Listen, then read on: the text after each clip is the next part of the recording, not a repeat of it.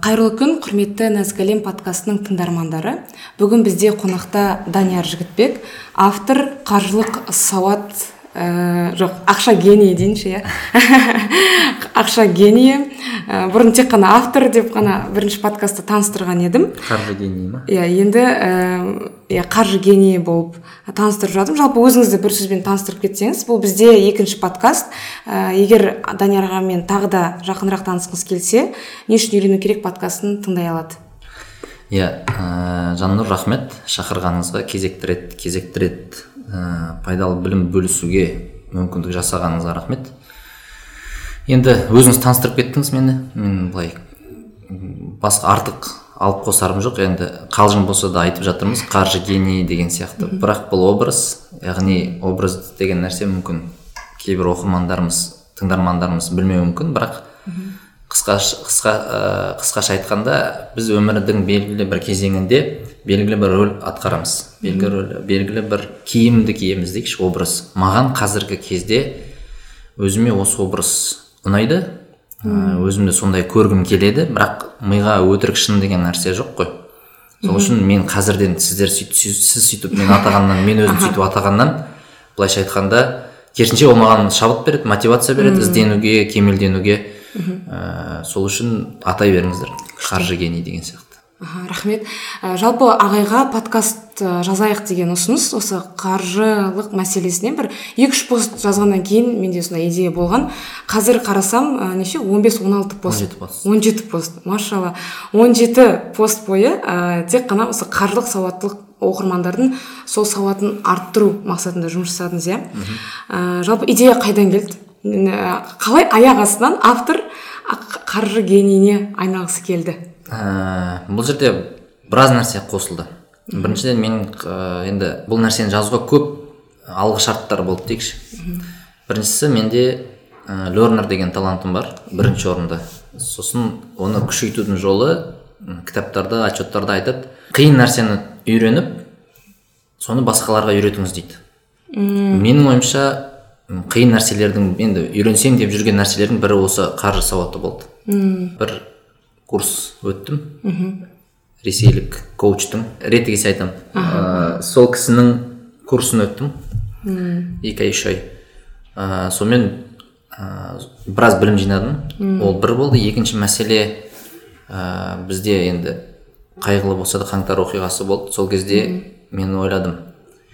Ә, мына жерде біраз нәрсе қаржы мен мен әсер ете алатын нәрселерді ойладым. Үм. бұл жерде қаржылық сауат мәселесі бар да. Мысалы ана жерде адамдар ашынғаннан бұл жерде енді мемлекетке деген Иә, реніші иә. болуы мүмкін. Бірақ егер әр адамды жеке жеке қарастырсақ ол өз тарапынан жасалу керек нәрсені жасамай жатуы мүмкін ол адам. Иә мемлекеттен күтті иә иә. Бірақ мемлекеттің ә, функциясын мен жоққа шығармаймын. Ол ол жерде бір әлеуметтік лифт бір жағдайлар жасалу керек. Бірақ ә, әр адамның өзін кредит алмау ал- алу алмау деген былайша айтқанда өзінің жеке таңдауы негізі. Сол сияқты сондай мәселелерді көрдім да мен ойладым мына ситуацияда енді бір іште бәрінде бір ә, жағымсыз эмоциялар болады. Бір күйініш реніш бір қайғы бәрі араласқан кезде уайым араласқан кезде сен егер де сол энергияны іске жұмсап тастамасаң ол сені іштей жей бастайды.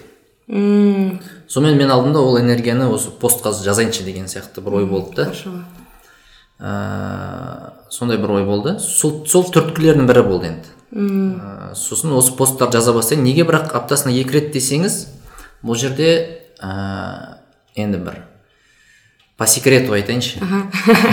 Нәзік әлемнің тыңдармандарына. Неге мысалы мен оны аптасына екі рет деп алдым? Мен атым әдеттер деген бір кітапты оқып жүргенмін. Сол қаңтар кезінде.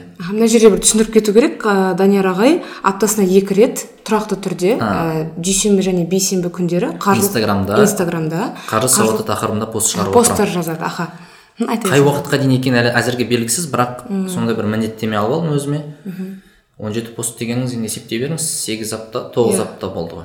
Ә, сол кезде сол атым әдеттер дегендегі ә, автордың ә, бір айтатыны бар да. Мен ә, осы привычка ол өзі привычка әдеттер туралы жазған кісі ғой. Клир ғой деймін. Сол сол кісі айтады мен дүйсенбі бейсенбі өзімнің блогымды жүргіздім сайтымда сөйтіп ә, мен ә, ол жерде аптасына сол екі күн дүйсенбі бейсенбі пост жазатын дейді. Блог, блог жүргізетін дейді. Сөйтіп менің сайтымда енді біздің жағдайда сайт ол инстаграм парақша. Иә. басында мың оқырман болды дейді. Сосын он мың оқырман жүз мың оқырман миллион оқырман деген сияқты. Ол енді әдеттің күшін айтып тұр да. Иә, иә, мен иә. аптасына екі рет жазып отырдым. Сөйтіп менің ықпалым ыыы сөйтіп мені тренингтерге шақыра бастады. Әдеттер бойынша маман ретінде менен сұхбаттар ала бастады кітабым жарық көрді. Қысқасы бір кішкентай тұрақтылықтың күші. тұрақтылығың күшті сосын мен ойладым. Сол томас клир сияқты мен де томас па еді? Джеймс па білмеймін бір нәрсе клир. Сонымен мен де сөйтпеймін ба дедім. Ә, қаржы сауат өйткені менің бұл жерде көп алғышарттар болды. Бір алғышарттардың бірі маған бағана өзіңіз айтқандай қаржы гений деген бір образды бекіту үшін ә, дәлелдеу үшін өз өзіме маған бұл образ ұнайтын іспен дәлелдеу үшін сөйтіп тұрақты жүргізіп көрейінші дедім. Аптасына екі пост жазамын. Бір жағынан қоғамдағы мәселені шешіп жатасың. Иә, иә, екінші жағынан өзіңнің де мүддеңді ойлайсың. Яғни өзің маман ретінде өзіңді дамыта бастайсың көрсете бастайсың. Жазу шеберлігің де артады. Мысалы мен қарасам осы жаз тоғыз аптаның ішінде бес мың оқырман қосылыпты инстаграмда күшті. Жаңадан бұрын мен ойлайтынмын қалай көбейтсем болады деп армандап жататынмын. Сөйтсем бір нәрсені тұрақты істей бастасаң ә, оқырман да келеді ә, сенің пайдаң да тиеді қоғамға. Сонымен сондай. Және сіз именно мысалға пост алдыңыз да мысалға инстаграмда постта ой инстаграм алаңында рилс видео дегендер бар ғой не сторис бірақ сізге пост ыңғайлы иә сонда? Ә, постың қайда? бұл жерде негізгі 20 пайыз деген ұстаным ғой. Негізгі 20 пайыз деген бар. Біз білеміз. Ә, паретто заңы. Ә, 20 пайыз іс бізге 80 пайыз нәтиже әкеледі. Менің ойымша инстаграмда уақыт өткізгенімнің 20 пайызы негізгі ісім сол екі пост деп ойлаймын. Әйтпесе рилс сұрақ жауап реклама алу тікелей эфир өткізу көп нәрсе істеуге болады. Бірақ әр нәрсенің басын шалғанша бір нәрсеге фокус қойып бір нәрсені уайым қылып бір нәрсемен дерттеніп соны тұрақты істесе ә, жетістік те оның оң әсері де көбірек болады деп ойлаймын. Ол беріп те жатыр. Әсерін мысалы мен уайым тұрғысынан қарасақ мен ә, апта басталмай жатып екі пост жазу керек деген уайым болады. Мен достарыммен сөйлессем де үйде де әріптестеріммен сөйлессем де болашақ постымның тағдырын уайымдап жатамын не жазсам болады не туралы қандай тақырып ұсынасың не қызық деген сияқты. Осы осы екі күннің екі күндік посттың төңі- екі күнде жазылғанмен пост. Оның дайындығы бар сөйтіп фокусым тұрғысынан бұл қазір менің былайша айтқанда көп немді алады. Уақытымды фокусымды энергиямды бірақ беріп жатқан нәтижесі де иә көріп жүрміз. бар сияқты. Күшті. Ә, мен бүгін жаңағыда тағы да оқып шықтым сіздің посттарыңызды. Бір кітап сияқты да біріне бірі байланысты. Астынан бастап жаймендеп оқу оқу керек. Бір біріне байланысты иншалла күшті. Ә, енді мындай сұрақ сұрақтарым бас- бастай берсем болады ғой? Кіріспен өзі ұзақ иә. Ә, бізде андай бала кезден ақша қолдың кірі деген сияқты. Ол енді ата ананың ә, несі емес ешқандай кінәсі емес. Ксро кездегі бір ә, миымызға құйған нәрсе ғой. Ә, капиталистік яғни барлығы бір бірдей болу керек. Біреу байып кетсе демек ол бір бәлкім ұрлады деген сияқты бір сомнение халыққа ойына салып жүру деген бір нәрселер болды ғой. Содан бір ақша қолдың кірі деген бір нақыл сөздер содан шықса керек. Ә, бірақ ақша қолдың кірі десек андай ойлаймын да ақшасыз өмір сүру мүмкін емес та. Бұл біздің тамағымыз киіміміз сияқты. Енді біз айта алмаймыз ғой так ә, жаннұр сенің киімің кір деп айта алмаймыз ғой. Ә, яғни сол секілді ақша қолдың кірі деп тағы да айта алмаймыз. Және сіздің жаңағы ә, қаржылық қаржы деген нәрсеге ат беру деген нәрседе сіз мен бір ойын ретінде қараймын деп айтқансыз. Және бір нәрсені адамның бейнесін сыртқа шығару деп қарағансыз иә. Сосын менде мындай сұрақ болды. Әр адамда ол нәрсе әртүрлі ғой. Мысалға мен катализатор деп қараймын. Кез келген нәрсені жылдамдатады. Самолет пойыз деген сияқты ақша көп болса жылдам. Яғни әр адамда ол бейне әртүрлі бере болса нормально ғой иә сұрақ осы ғой иә? Иә. Ә, мына тайный язык денег деген кітап бар да? Тайный язык денег сол жерде бір жақсы сөйлем бар. Ә, айтады сен ақшамен қай тілде сөйлессең ол сенімен сол тілде сөйлеседі дейді. Ә, демек иә ол ақша деген өздігінен ә, бір ә, былайша айтқанда су сияқты деп есептейікші. Сол кезде мысалы суды қандай ыдысқа салсаңыз су сондай сол ыдыстың формасын алады ғой. Сол сияқты сіз ақшаны қалай сипаттасаңыз да сіздің сіздің сипаттамаңыз сіз үшін дұрыс болады. Сондай.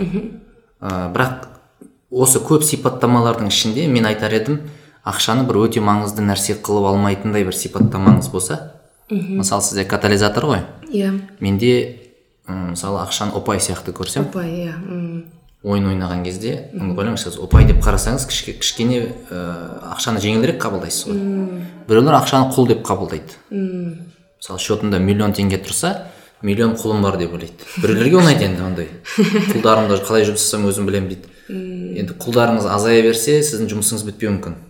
Сол үшін сіз барынша аз құлды құлыңызды өлтіріп алмай ә, құл деп көруге тағы да бір анықтамалар естідім. Ақша ол алланың мейірімі деген. То есть мысалы былай ғой. Ә, сіз еңбек етесіз жұмыс істейсіз ә, былайша айтқанда ақшаны ойламай мысалы үшін ше ақшаны ойламай бір іске берілесіз де. Иә. Сол кезде ә, соның ә, қарымы ретінде сізге бір бір ойламаған жақтан табыстар келе бастайды. Сол кезде сіз енді иманды адам ретінде ақша әшейін алланың бір көп мейірімдерінің бір көрінісі ретінде ғана көресіз да? Сізге деген мейірімінің сыйлық ретінде да енді? Иә иә. Бұл жерде ақшаны жүрекке кіргізу деген мәселе жоқ қой. Яғни сіз бір еңбек еттіңіз мысалы біз бәрде ә, бір сауап үшін жұмыс істейміз ғой бірақ сауапты бір қызығы сіз ұстап көре алмайсыз. Иә иә иә. Сауапты ұстап көре алмағандықтан енді иншалла деп көретін шығармын көремін де- деген сеніммен ыыы арғы өмірден күтесіз де бірақ ақшаны ұстап көруге болады ғой. Сол үшін бұл жерде ақша жаман жақсы деп анықтама бере алмайсың. Иә иә иә. Алланың мейірімі деп көрсең иә. онда басқаша қабылдайсың да оны. Мысалы құранның өзінде хайыр деп келеді ғой. Хайыр деген сияқты. Хайыр деген сөз қолданылады да. Аха ол жақсылық деген сөз. Аха. Ақшаға қатысты. А сөйтіп қолдана ма? Иә. То есть басымдық соған беріледі да. Күшті.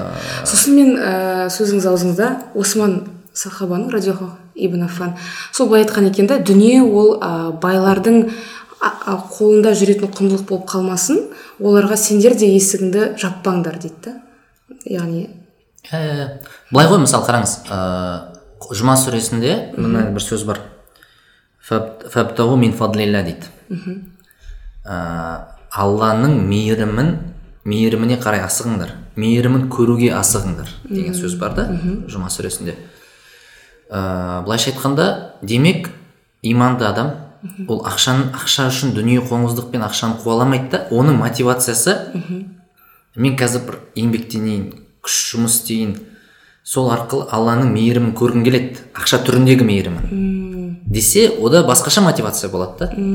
Ал енді ақшаның анықтамасын бір жаман нәрсе деп көрсең бұл білмеймін қазір кейбір адам қалай қабылдайтынын бірақ маған ол нәрсе өте түсінікті және мотивация береді. Мысалы құран өзіне айтып тұр алланың мейірімін көруге асығыңдар фабтау мен фадлиля фадл деген сөзде мысалы мынандай мағына ғой. Ә, саған деген бір артық артық мейірімін деген сияқты бір. Сонда ә, күшті ғой. Мысалы сіз жұмыс істейсіз да мысалы очко сияқты ғой мысалы қараңыз очкода ақшаны очко деп қабылдаймын о- ұпай ойын ойнаған кезде сен көбірек ұпай жинауға тырысасың ғой. Иә иә иә. Сол сияқты ол ойын дегенде ұпай жинау деген енді ол компьютермен болыватқан нәрсе. Ал енді өмірде сіз ә, бағанағыдай ерте тұрасыз көп іс бітіруге тырысасыз.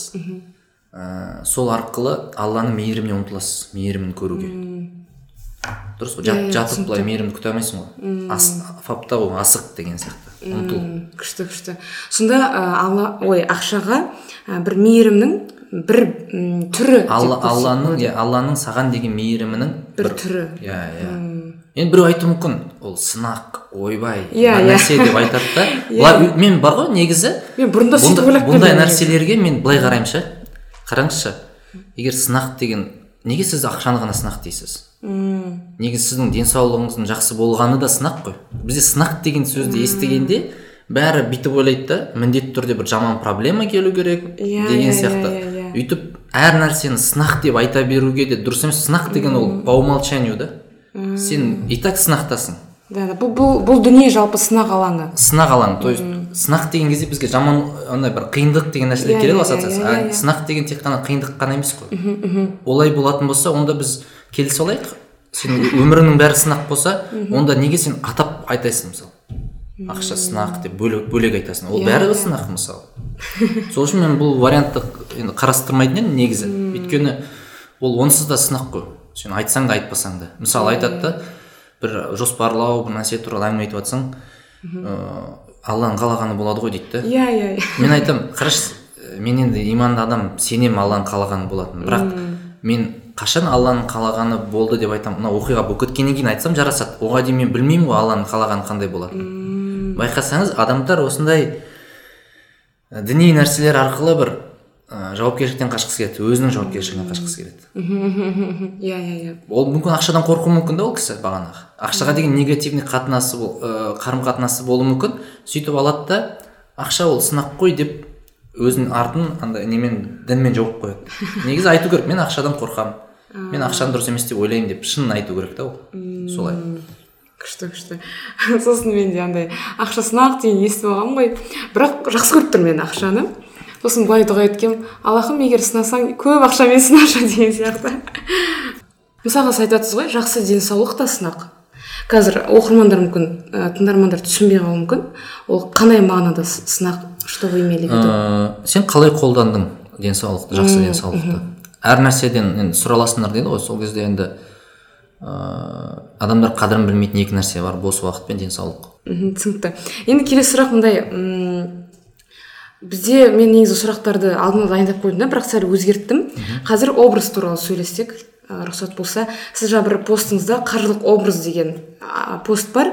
Бұл жақта жаңағыдай ә, миллионер секілді бір образ ә, образ мысалы миллионер жаннұр миллионер ә, данияр ағай деген секілді.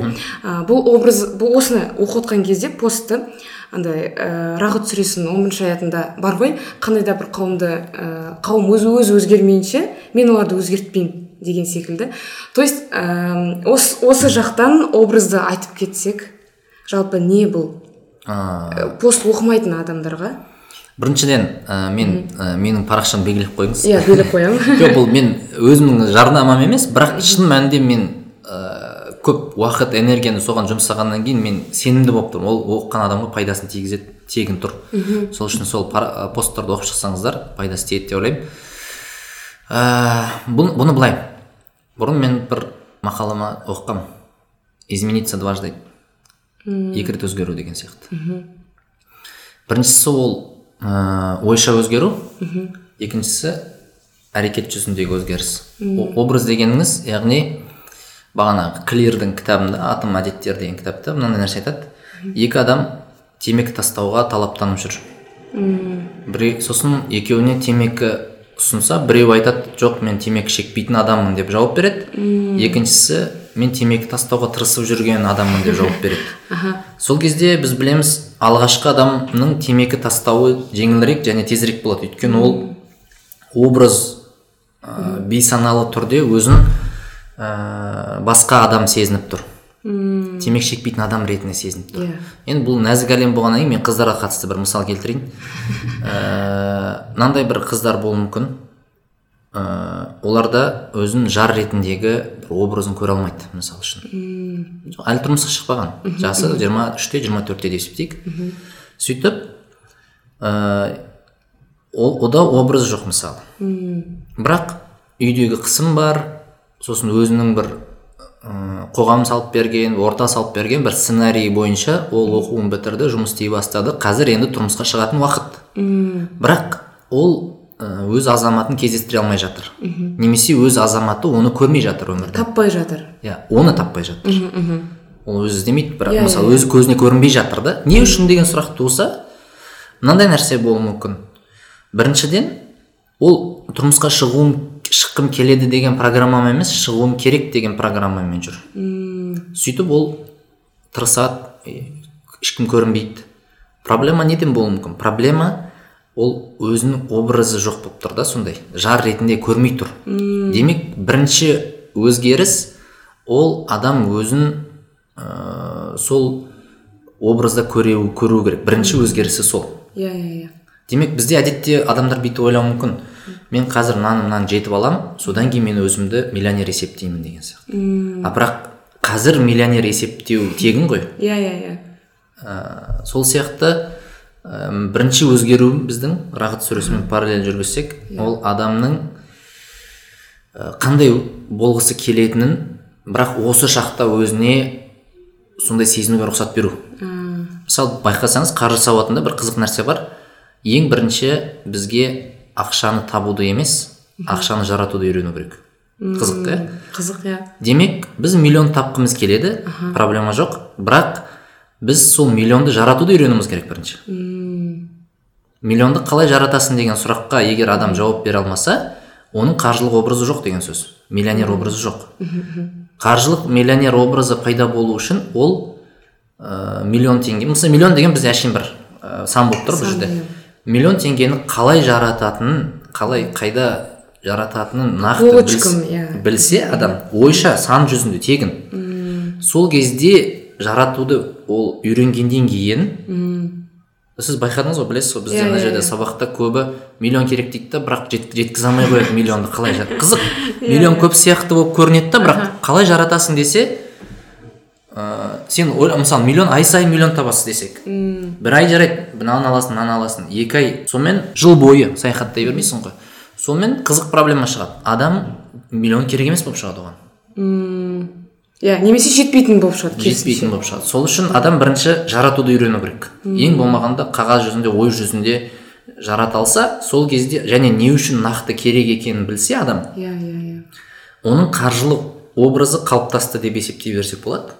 Сосын барып миллион табуды жоспарласа ойласа оған жеңілірек және ол өзінің миллиондарын көре бастайды. Әйтпесе қазір ол 200 мың теңге табатын адам оның образы 200 мың теңге негізі. Ол байқасаңыз келесі айға жоспар құрған кезде сол 200 мың теңгесін ойлап жоспар құрады. Иә иә иә. Демек оның қаржылық образы 200 мың теңге. Енді сол 200 мың теңгелік образбен миллион тап деп айтып көріңізші ол кісіге. Бірінші бірінші жарату емес бірінші табу деген нәрсемен көрейікші. Иә иә иә. Біріншіден оған мотивация болмайды. Не үшін миллион керек? Жарайды мотивация болған күннің өзінде оған мынандай ойлар келеді. Ә, екі жерде жұмыс істеуім керек ә, мынаны сатуым керек деген сияқты қысқа мерзімді шешім ғана. Бір ай екі ай миллион табады бірақ үнемі миллион таппайды ғой. Иә иә. Демек бізге ә, үнемі миллион табу үшін үнемі миллионды көру үшін айналамыздан бізге миллионды жаратып үйрену керек ойша болсын. Бағанағы енді бұл ақша мәселесінде біз енді мұсылманмыз деп есептесек өзімізді біз ең болмағанда қазір қалтамызда болмаса да ойымызда болсыншы деймін да. Миллион болсын он миллион болсын жүз миллион. Өйткені мұсылманда алланың мейірімі шексіз деп айтамыз да. Иә иә. Бірақ өзіміз аламызды 200 мың теңгемен шектеп қоямыз мейірімді. Ақша ақша мейірімнің көрінісі деген ереже осындай кезде пайдалы болады адамға. күшті күшті ақша мейірімнің көрінісі десеңіз ал мейірім шексіз ғой. Иә. Ақша да шексіз. Көп айналамызда. Сол кезде сіздің мақсатыңыз соны көре бастау ғой. Сіздің проблемаңыз просто сіз көрмей жүрсіз оны жан жағыңызда өйткені өз өзіңіз шектеп тастағансыз яғни ақшаның көздерін көрмей жүрміз. Ақша иә мүмкіндіктерді көрмей жүрміз деген көз мүмкіндік ә, айырмашылығы жоқ. Ә, бастысы ол мейірімнің алланың мейірімнің бір көрінісі ретінде ә, қарау қабыл- қабылдасаң Иә, ақшаны иә. жақсы қарым қатынас иә иә иә. Сол кезде сіз оны сізде программа болу керек. Демек ол мейірім шексіз көп қой. Айналамда ақша көп қой. Мен неге өзімді шектеп жүрмін деген сияқты бір ой пайда болу керек. Ұялу сезімі болу керек мүмкін. Иә иә. Сол үшін Сосын, ә, сол- сол, ой көмектеседі деп ойлаймын. Сосын сол жаңағы постыңыздың астында комментарийлер оқыдым да иә шынымен мен миллионды жарата алмайды екенмін ойланып қалдым қайда жаратамын яғни олар ойлайды так мен миллионер болғым келеді но шынымен білмейді қайда жаратарын иә. Бірақ сосын маған мынандай сұрақ қоя- қояды да ақша қанша болу керек? деген сияқты. Қандай қандай қандай көлемде болу керек адамда ақша жеткілікті деген ә, жауапты айтпау керек. Неге десеңіз жеткілікті болса ол ә, оны айтады енді кедейлік психология дейді да ол неге сен шектейсің оны? Көп болу керек деп айтамын өте көп болу керек деймін. Қызық иә сосын біреу айтады неге өте көп болу керек десе мен айтамын ә, ақша өте көп болу керек оны ойламау үшін. Мм иә иә осы күшті нәрсе. ақш- ақша жеткілікті болса немесе аз болса адам оны ойлайды. Ойлаған соң оны жүрегіне кіреді. Мысалы бір оскар уайлдтың бір жақсы сөзі бар.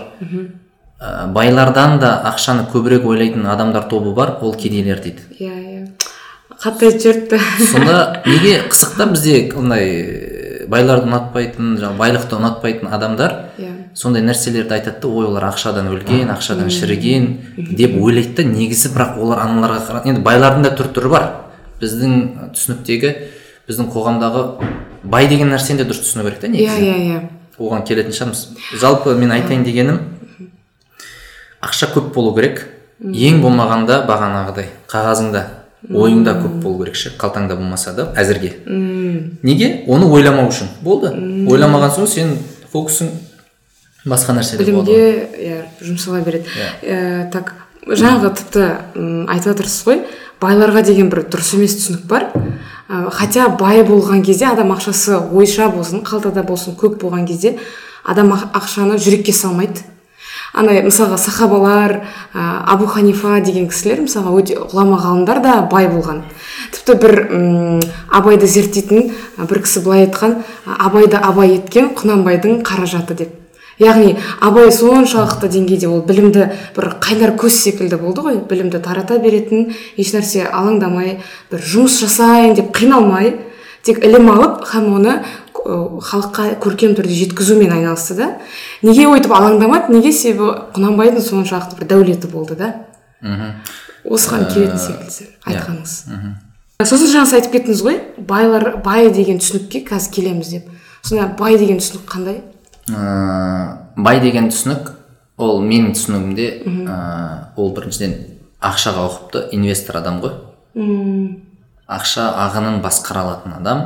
Ә, бай адам мысалы ол мысалы бағана айттыңыз ғой абу ханифа болсын басқа кісілер. Менің ойымша олардың ә, миындағы цифрлар дейікші қалтасындағы қолындағы цифрлардан да көп болды деп ойлаймын. Шексіздікке ұмтылды да.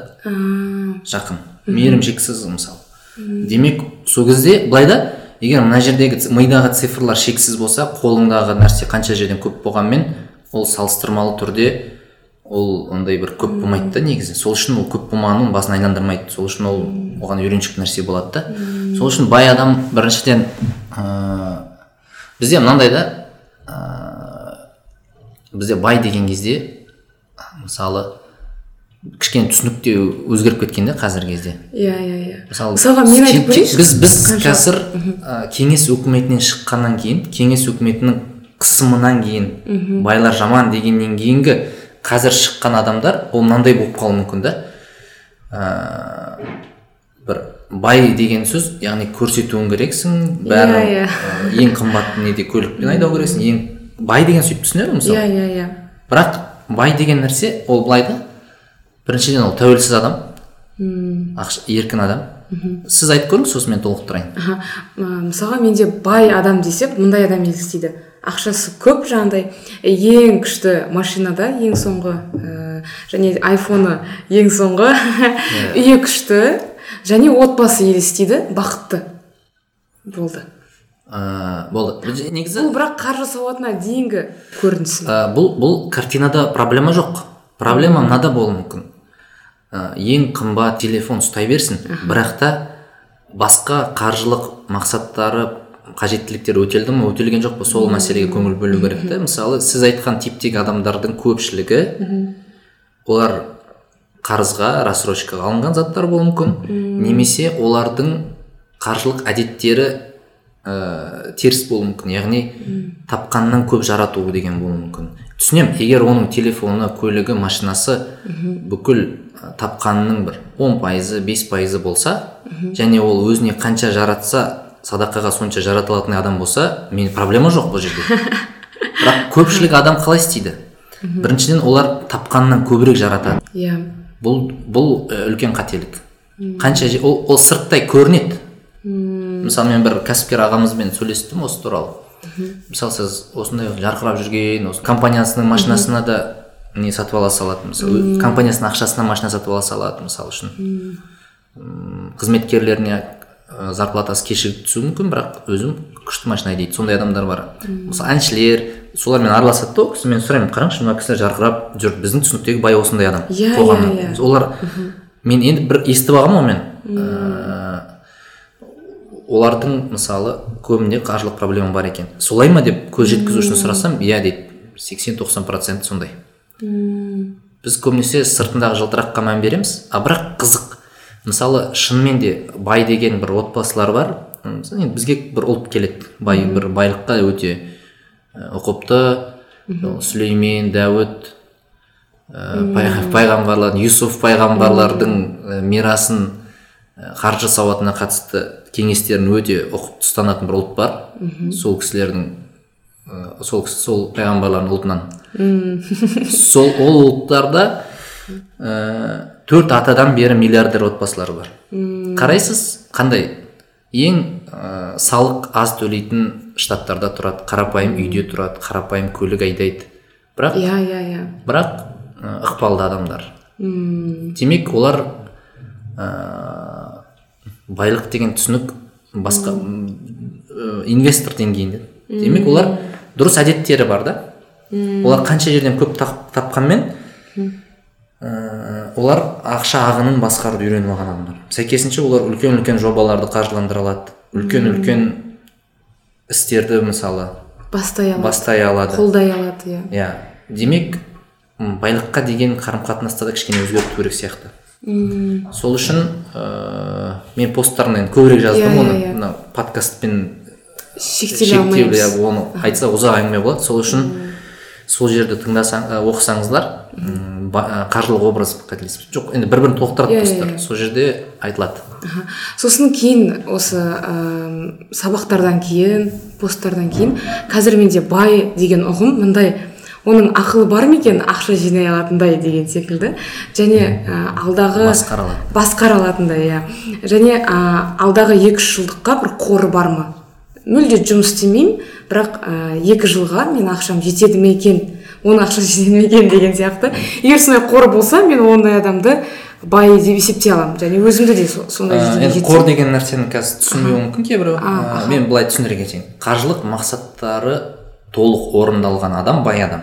Қаржылық мақсаттардың ә, несін градациясын айтайын. Біріншісі сіздің қарызыңыз болса сізде қарыз болмау керек. Бірінші мақсат қарыздан құтылу. Қаржылық сіздің ең өзекті мақсаттарыңыз. Қажет қаржылық қажеттіліктеріңіз өтелмей жатып қалауларыңызға кішкене стоп дей тұруыңыз керек. Қа- қарызыңыз бола тұра сіз м, дубайға барып бір нәрсеге барып сізге болмайды өйтуге да болмайды иә. Өйткені сіз одан сайын қаржы ә, қарыз батпағына бата бересіз. Ең ол психология тұрғысынан да жақсы да? Иә бірақ бұл жерде мындай бар ғой ағай қазір кредит деген нәрсе бар ғой. Ә, екінің бірінде бар да. Бірақ олар былай да айына мысалға мен білмеймін қалай айтуға болады. Айына елу мың дейікші кредиті болуы мүмкін айлығы 500 мың болуы мүмкін. Бірақ олар жаппайды жаңағыдай қыдырып жүре береді. Бірақ айына төлеп бірақ қараңыз мен мынандай ә, нені ұстанамын? Ә, кредит қарыз деген ол асығыстықтың ақша түріндегі көрінісі.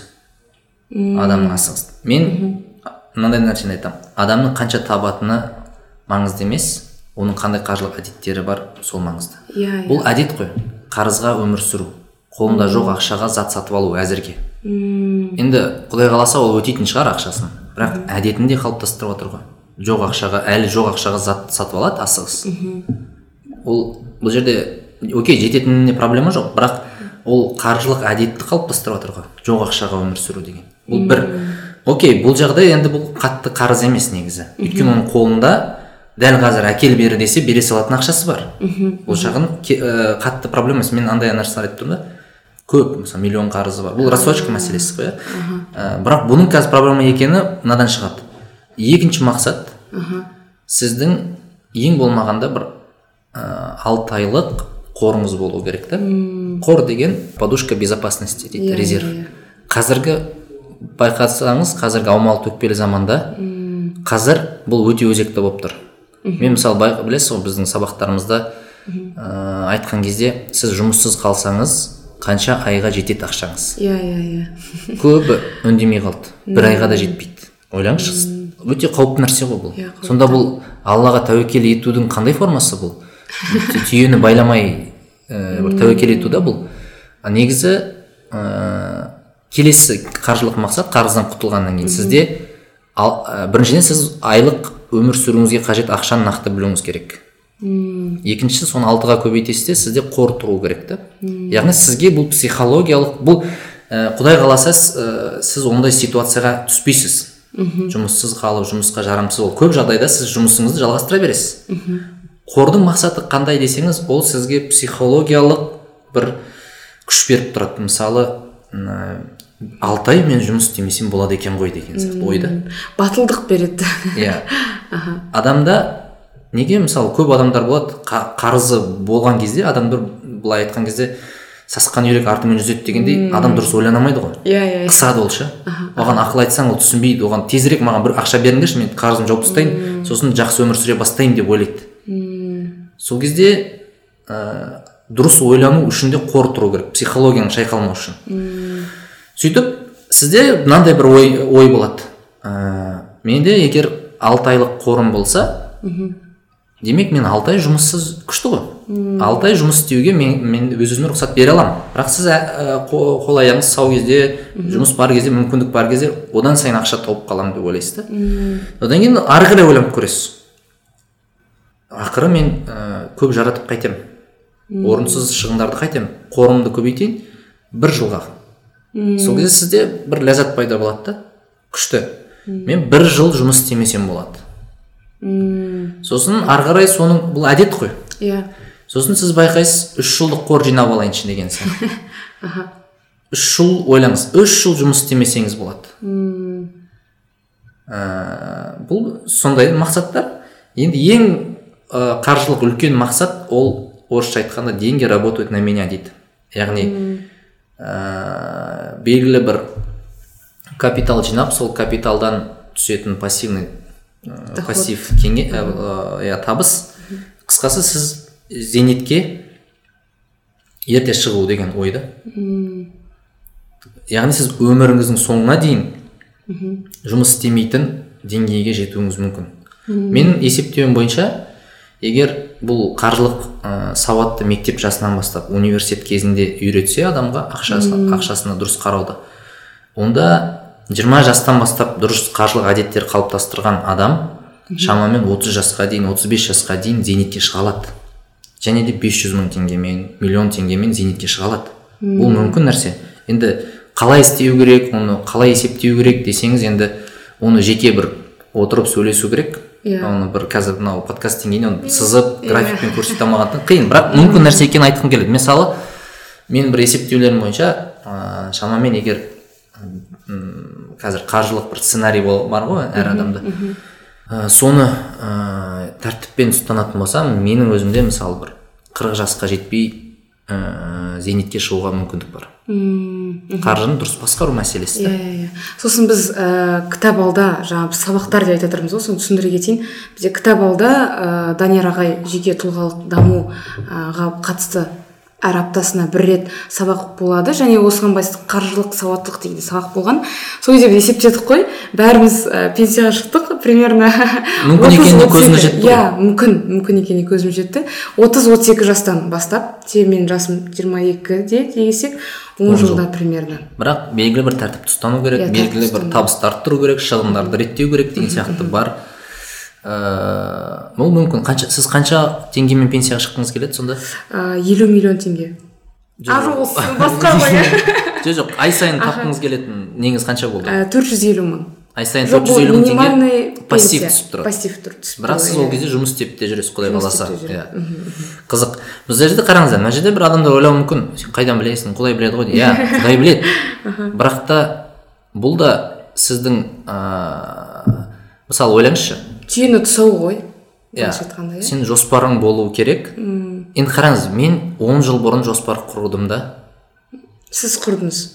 Жалпы. Енді жиырма жасымда иә отыз ыыы сол кезде ойлаймын егер мен сол кезде отырып өмірлік сценариімді жазбағанымда менің мына он жылым басқаша өтіп кетер ме еді? Бос өтіп кетер еді. Ал сценарийің болып ә, бұл да бір үлкен дұғаң ғой сенің. Енді алла тағаланың қалағаны болады. Ол, ол сені күштірек жолға салып жібереді. Бірақ анау бір қаңқа ретінде сенің әр күніңе бір мән береді. мм күшті.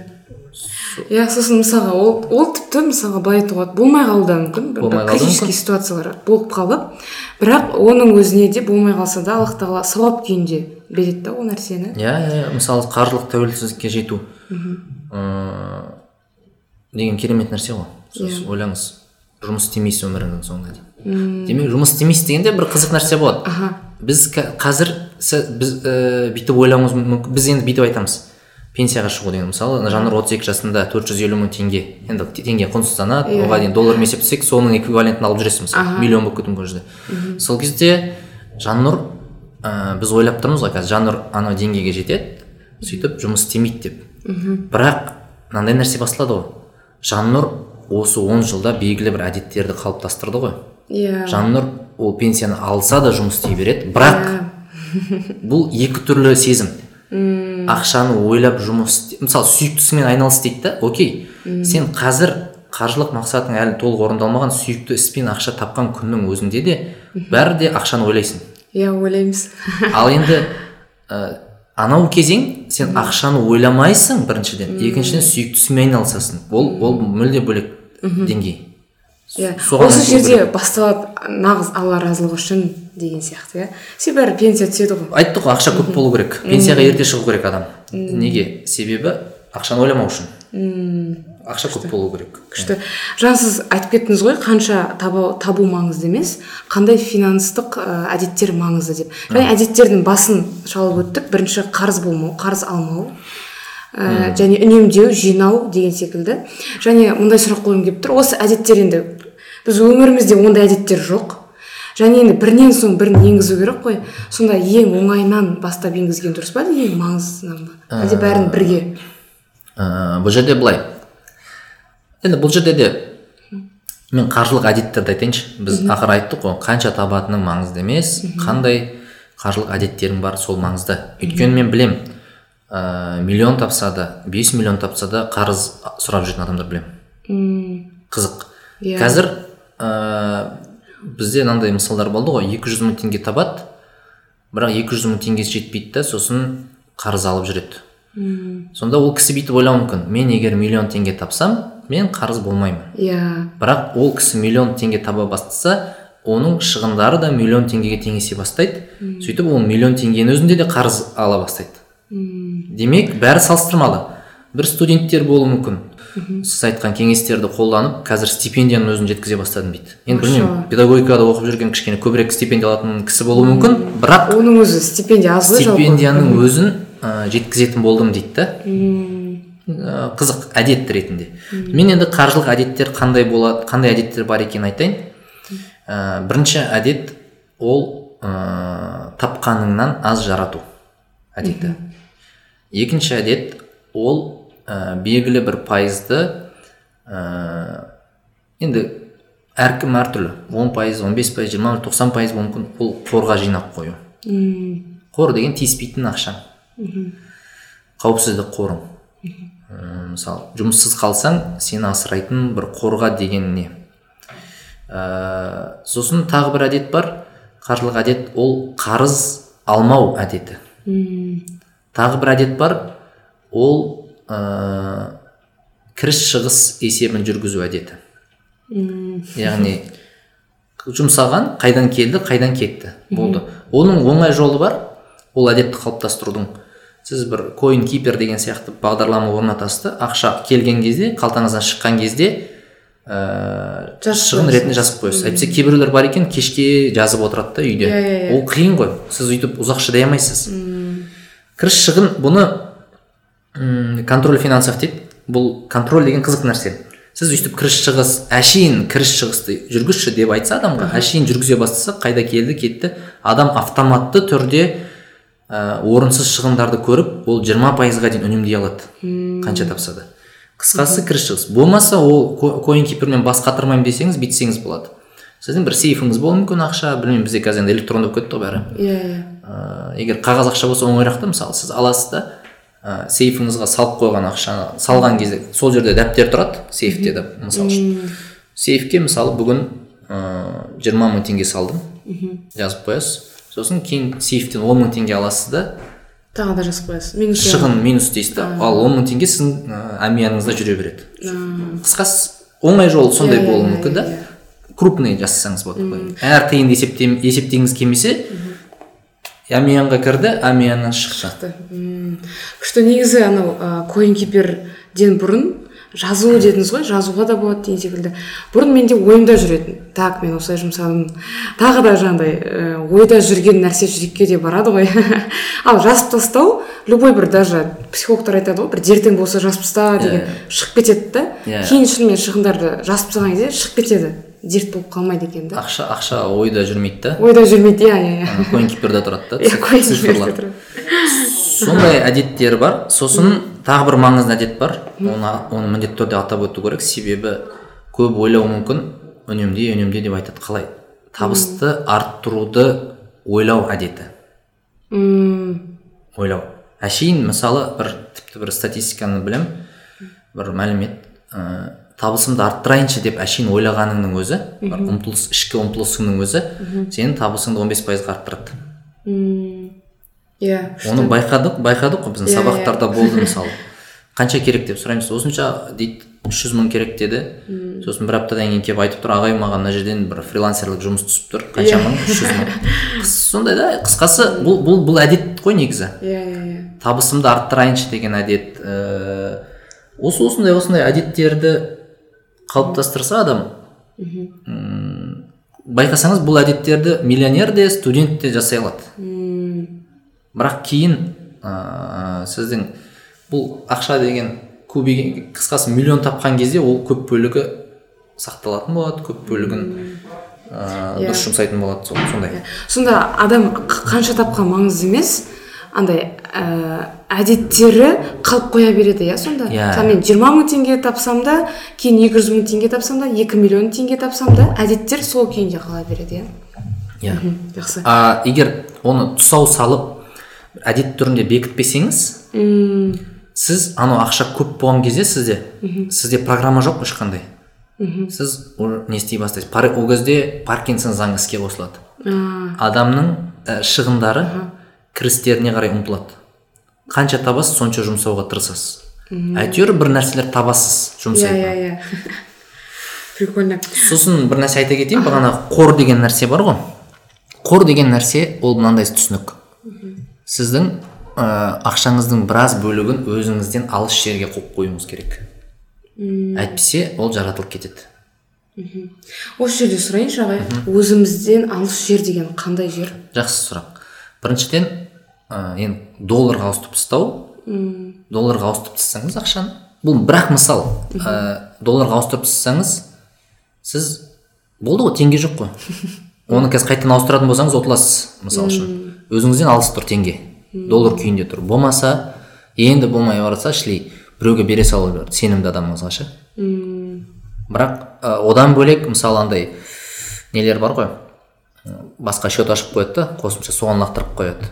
Бірақ ол онлайн болса ол қолжетімді ғой алып алу мүмкін. Иә, иә. болмаса мынандай ә, брокерлік шот деген бар да. Ол ол тегін мысалы. Ашуға болады онлайн. Трейдернет нүкте kz деген. Freedom finance деген. Freedom finance бар бізде жусан бар халық бар инвест фортеде бар ма екен жоқ па екен? Қысқасы бізде өзі бір үш ақ не бар мен білуімше. Брокерлік компания. Брокерлік шот деген кәдімгі есеп шот сияқты бірақ оған ақша аударғаннан кейін оны қайтадан алу қиын болып кетеді да. Брокерлік шотта жатады ақшаңыз оның жолдары көп мысалы. Болмаса ә, өзіңізден алыс жер деген сол. Қол, қол жетімсіз жерге қойып қою. Сол кезде бір қызық нәрсе болады мен байқағаным. Ә, егер дисциплинасы мықты адамның өзі ойлаңызшы мен көрдім сөйтіп ә, ақшаны табасың бір көп табасың да сөйтіп тұрады да сенің шотыңда немесе қағаз күйінде тұрады да. егер ол қолжетімді жерде тұрса ақша. Оған ол ақшаны алуға үміткерлер көбейіп кетеді. Тіпті өзі емес? Иә сіздің иә анау қызық коннектеднестің әңгімесі иә ғой иә иә. Біреу қайтыс болады оған беру керек. Біреудің тойы болып кетеді. Ә, болмаса біреу келіп қарыз сұрайды. Қысқасы мына жерде тұрғаннан кейін сен оны жоқ деп айта алмайсың ғой. Иә иә Қысқасы- айтсаң да өтірік секілді. Қысқасы мына жерде тұрса ақша. Аха. Ол мен қойып қойдым да әшейін кө- қолжетімді жерге. Не болар екен деп. Сөйтсем оны алғысы келеді и ол азая береді ше шетінен. Қызық. Ал енді керісінше көрдім жасап. Өз ақшаны қол, қол жетімсіз ұмытып кететіндей бір жерге қойып қойдым да мысалы. Болады ғой анау қысқы курткалардың қалтасынан бес мың теңгеге шығатын. Иә иә иә. Сөйтіп бір алыс жерге қойып қойсаң қызығы. Ә, қайтадан ақша а- келеді ғой. Мына жер бос қой. Иә, мына жерге иә. қайтадан келеді да Точно. керісінше болады. Анау мына жерде тұрса ол көрінетін жерде алғысы келіп кететіндер болады да. Ал егер мына жерде болмаса ол мына жерге келетін қайтадан келеді ғой ақша. Қызық. Сосын оны аласың да ана жаққа қайтадан тығып тастайсың. Қайтадан келеді. Қайтып келеді. Сол кезде андай не болады да ақшаң ана жақта бір, уақытта иә көресің да жинай бастасаң оны мен жинай бастағандардың а, біраз нелерін қарасам әшейін қазірден бастап мысалы студент болса мың теңгені жинай бастайыншы дейді ғой. Сондай бір қызық нәрсе бар. Адам ақша жинай бастағанда тағы да ақша көбейе бастайды. Андай ана- анау енді бір образды түрде айтқан кезде әмияның бос болса анау ақша те- ә, не деп есептейікші? Магнит магнит магнит деп есептейікші? иә иә. Бос болса тартатын ештеңе жоқ қой. А амияның әшейін мың теңге салып қоясың ол келесі мың теңгені тартып тұрады да. Сонымен анау ә, ақша жина, жинауды қолға алған адамның табысы да артады негізі. Андай жиналатын мүмкіндіктер көбейе береді ше. Иә иә ол практикада бар нәрсе. Ал анау амияның бос болса керісінше ә, келмей келмеуі мүмкін. Келмейді иә. Қызық. Білмеймін бір өмірдің сондай бір заңдылық. көр- көрінбейтін бір қаржы заңдары ма екен деймін да. Андай физикалық заңдар сияқты бар ғой. Ментальные Иә, законы иә, деген бар ғой. Иә. Ақша көп жағдайда оны басқара алатын басқара алатын адамдардың қолына өтіп отырады. Иә иә. Бұл да әділеттілік деп ойлаймын. То есть бұл да алланың алдында өзіңді дәлелдеу ғой. Мен ақшаға ұқыптырақ қараймын басқаларға қарағанда. Алла тағала маған осы ақшаны бер мен басқарам мен арқылы жақсылықты тарата көрші деген сияқты. Дұрыс қой менде лайықпын деген секілді. менде көп болса ақша мен көбірек жақсы ол ақша қараңыз ол ақшаны біреу бургер сатып алып жеп тастап ағызып жібереді унитазға Иә, мысалы иә, үшін. біреу алады да плейстейшн ойнап тастайды ол ақшаға. А мен ұқыпты қараймын ғой ақшаға. Мен ол плейстейшнға бургерге кететін ақшаны мен қайырымдылыққа қоғамға қызметке жұмсай аламын ғой. Сол үшін алланың маған ақшаны табыстауы мен алланың алдында дәлелдеймін да өзімді ұқыпты қарайтынымды басқара алатынымды сол үшін менде ақша көбірек болады. Күшті күшті. мысалы ол ә, мен дініме де байланысты емес ол. Иә иә иә. Басқа діндегі адам болуы мүмкін дінсіз адам болуы мүмкін. Бірақ ол ақшаға ұқыпты болса ол қоғамға неге ұқыпты ол адам? Демек ол ұқыпты ол оны дұрыс бағыттай алады. Социальный проекттерге жұмсайды. Иә. а жаратып тастай беретін адам ұқыпсыз ғой ақшаға. Иә иә. Мысалға андай бір ә, оқиға болған ә, бір адам лотерея ұтып алады лотерейный ойындар. А ол адам ә, былайша айтқанда қалай айтсам үйсіз адам бомж бірақ оған көп миллион ақша Иә, иә. о- ә, келеді. Одан кейін бірақ бір аптадан кейін қараса әлі сол жерде жатыр. Иә, яғни жұмсай алмаған. Бағанағы айттық қой студент болсаңыз да ә, техничка болсаңыз да маңызды емес кім болсаңыз да сіздің дұрыс қаржылық әдеттеріңіз ол сіздің дұғаңыз сияқты ғой. Мен ақшаны басқара аламын. Сол үшін сізге егер сол ә, ритмді сақтай білсеңіз сіздің табысыңыз міндетті түрде арта береді. Сіз бай бола бересіз да сондай нәрсе да бұл. Иә күшті күшті. Ә, сосын андай тоже дұғаның екі түрі бар ғой. Фиғли қаули типа Иә. әрекетпен сөзбен деген секілді. Осы мындай нәрсе мындай сұрақ қойғым келіп тұр. Ә, егер проблеманы ақшалай шешу мүмкін болса ол проблема емес. Деп айтқан едіңіз бір мен емес ол еврейлер айтқан. А жақсы. Деп айттыңыз да? Ә, бірақ бір проблемалар бар ғой. Шынымен де ақшаны талап ететін мәселен квартирада жүру деген секілді. То есть бәрі мүмкін сіз алматыда туылғансыз ғой иә? Мүмкін сізге как нормально болуы мүмкін да? Бірақ қазір мысалға біз квартирада жүреміз. Және әм, айлықтың бір біраз бөлігі кетеді. Елу пайыз қырық пайызы дейінші иә кетеді. Сонда ә, мысалы тамақ не қосқан кезде сонда бұлар негізі проблема ғой. Олар бір кредит сияқты алып тұрады да біздің айлығымыздың бөлігін. И сонда ақша болса үй, алып сатып ала салуға болады ғой негізі. То есть проблема шешіледі да. Ә, иә шешіледі. Айтады ғой. Все будет но не, сразу дейді ғой. Ә, бұл енді енді өзіңіз білесіз ғой оны проблема деп айтасыз ба? Мысалы біреулер бар ақшасы жетсе де үй сатып алмайтындар бар. Квартирада өмір сүретіндер бар. Ә, бағанағы мәселе ғой. а бұны еще кейбіреулер еркіндік санайды иә? жаңа сіз айтасыз ғой ақшасы болса Ә, иә все будет но не сразу. Ә, біріншіден ә, бұл уақытша нәрсе деп ойлаймын. Екіншіден ә, бұны проблема деп сипаттама беру де ол сіздің өзіңіздің бір қалауыңыз ғой таңдауыңыз ғой. Мүмкін ол, ол проблема емес те шығар. Мүмкін ә, бұл қаржылық мақсат қой енді. Ну, дұрыс айтасыз мына үйдің мысалы ә, мысалы қаржылық емес мақсаттар бар. Қаржылық мақсаттар бар. Ә, енді анау бағанағы ана ұлт өкілдерінің айтқан сөзі ғой енді. Бұл астары бар. Бірақ бұл сөзді басқа нәрсеге қа- қатысты қолдану керек та бұл, бұл, бұл, бұл сөзді сіз айтқан. Ә, ақшамен шешуге болатын болса қалай дедіңіз? Ол проблема емес. Ол проблема емес дедіңіз иә. Ол шығын деп айтады олар. Иә. Мысалы былай ғой бұл сөзді мынаған қатысты қолдану керек. Ә, мысалы сіздің сіз ә, сіз емес енді жалпы бір адам ә, баласына аз көңіл бөледі. Баласына аз көңіл бөледі ә, кешке кешіп келеді бір үш төрт сағат жер, жерге барып жұмыс істеп келеді. Қысқасы баласына енді, енді тірліктің қамы ғой. Көңіл бөлінбеген. Тірліктің қамымен жүр ол негізі. Сөйтіп ол енді тірліктің қамымен жүруі мүмкін болмаса жай достармен жүруі мүмкін. Қысқасы ол ә, баласына аз көңіл бөледі. Ә, сөйтіп баласы келіп айтады. Әке ә, немесе әйелі келіп айтады. Әйеліне де аз көңіл бөлетін болып тұр. Айтады ә, телевизор әперіңізші беріңізші енді ең болмаса бізге дейді. Ал ол телевизор алса қазір екі жүз мың ба үш жүз мың тұрады. Соңғы кезде ол оны енді дұрыс рассрочкаға алайын деп тұр.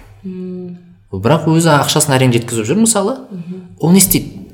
Ол алады да ана телевизорды алу арқылы соған ақша жұмсау арқылы ол мен қазір баламмен қарым қатынасымды өзі ақсап жүрген жамап тастаймын деп ойлайды. Түсіндіре алдым ба иә бірақ жамай алмайды. Иә сөйтіп ол телевизорге ақша жұмсайды рассрочкаға алады. Ай сайын енді жиырма мың отыз мың төлейтін болып қалады. Шығын қосымша тағы көбірек таксовать ете бастайды. Сөйтіп ол одан сайын бата бастайды. Қаржылық проблема жасап алады қарыз деген өзіне. Қысқасы бұл нәрсені немесе мысалы ә, бір адам постыңыз ғой да қаржылық емес мәселелерді. Со- соған қатысты. Қаржылық емес мәселелер көбінесе психологиялық мәселе. Баласына оның телевизоры да керек емес ақшасы да керек емес. Оған әкелік әкесімен бірге уақыт өткізу керек. Сол кезде ол баласы телевизор да керек емес маған ә, деп айту айтатын шығар.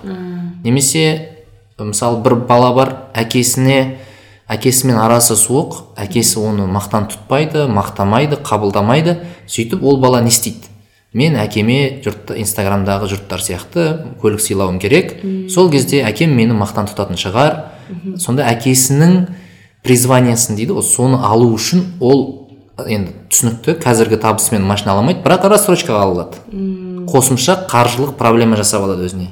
Ақша арқылы шешкісі келіп тұр нені проблеманы. Проблемасын. Бірақ бұл мәселені бұл психологиялық проблема қаржылық проблема емес. А сіз айтып жатқан үй ол қаржылық проблема демей ақ қояйыншы қаржылық мақсат ол. Аха. Проблема десеңіз байқайсыз ба? Қиындатасыз да ана нәрсе. Қиындатамын, иә. ал егер қаржылық мақсат десеңіз сіз түбі жететін нәрсеңіз бірақ қазір емес. Түсіндіре алдым ба? Ә, деп бұл, бұл нәрсе қаржылық мақсат. Ә, бұл бұған иә ақша керек дұрыс үй мәселесі керек.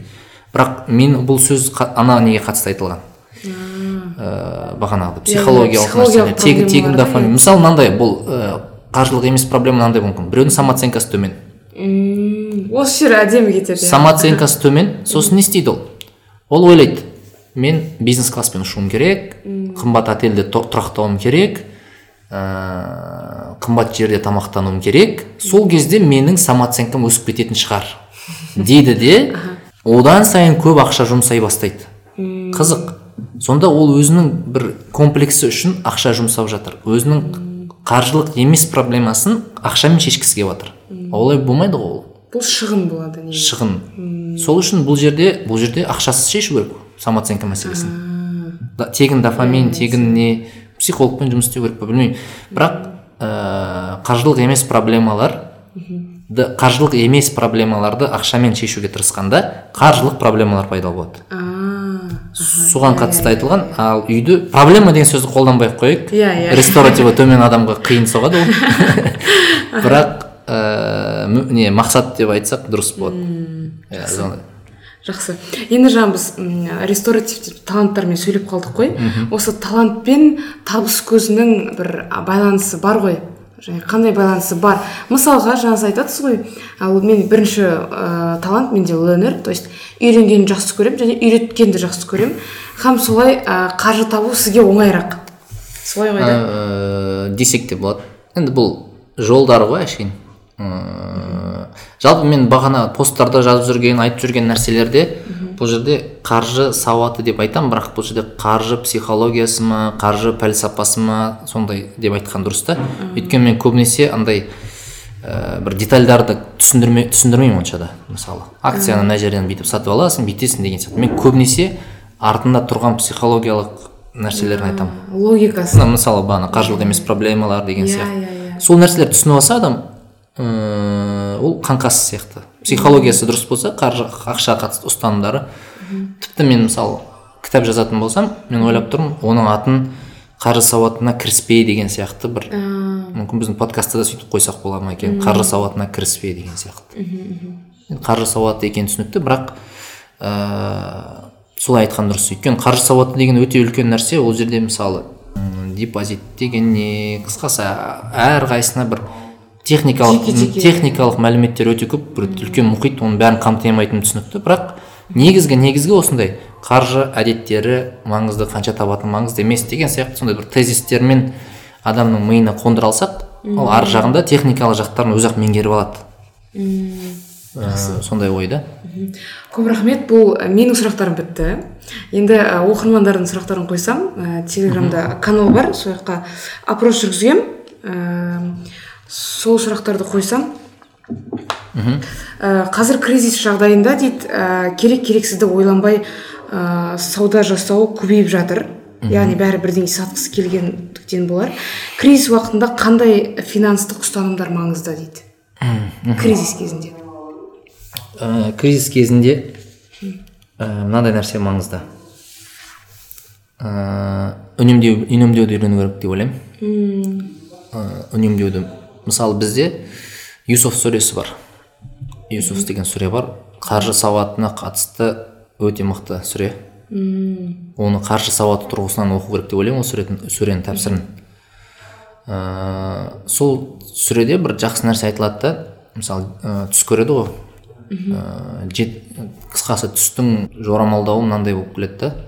Түс жоруы мынандай болып келеді. Жеті жыл бойы ә, қуаңшылық болады таршылық болады. Сосын ә, бір тоқтық кезеңі басталады дейді да. Сол қуаңшылық кезеңінен бұрын сен өзіңе бағанағыдай үнемдеп қор жинап ә, солай өткізуің керек дейді да ол уақытты тура сол сияқты қазіргі кезде үнемдей білу өте өзектірек болып тұр. Жалпы үнемдей білу артық шығын жасамау ол әрқашан да өзекті бірақ қазір өте өзекті. Ә, бұл бір мәселе. Сосын ә, қазіргі кезде ана қажет пен қалауды ажырата білу керек. Бұл менің қалауым ба қажетім бе? Так айырмашылығын айтып кетсек осы жерде. Қалау деген ә, қалау деген ә, оны істемесең өмір сүре аласың. өмір сүре аласың. Қажет қажет істемесең өмір сүре алмайсың. Қажетің өтелмейінше қалауыңа бас сұқпа қалауыңды тиіспе қалауыңа барма деген сияқты нәрсе.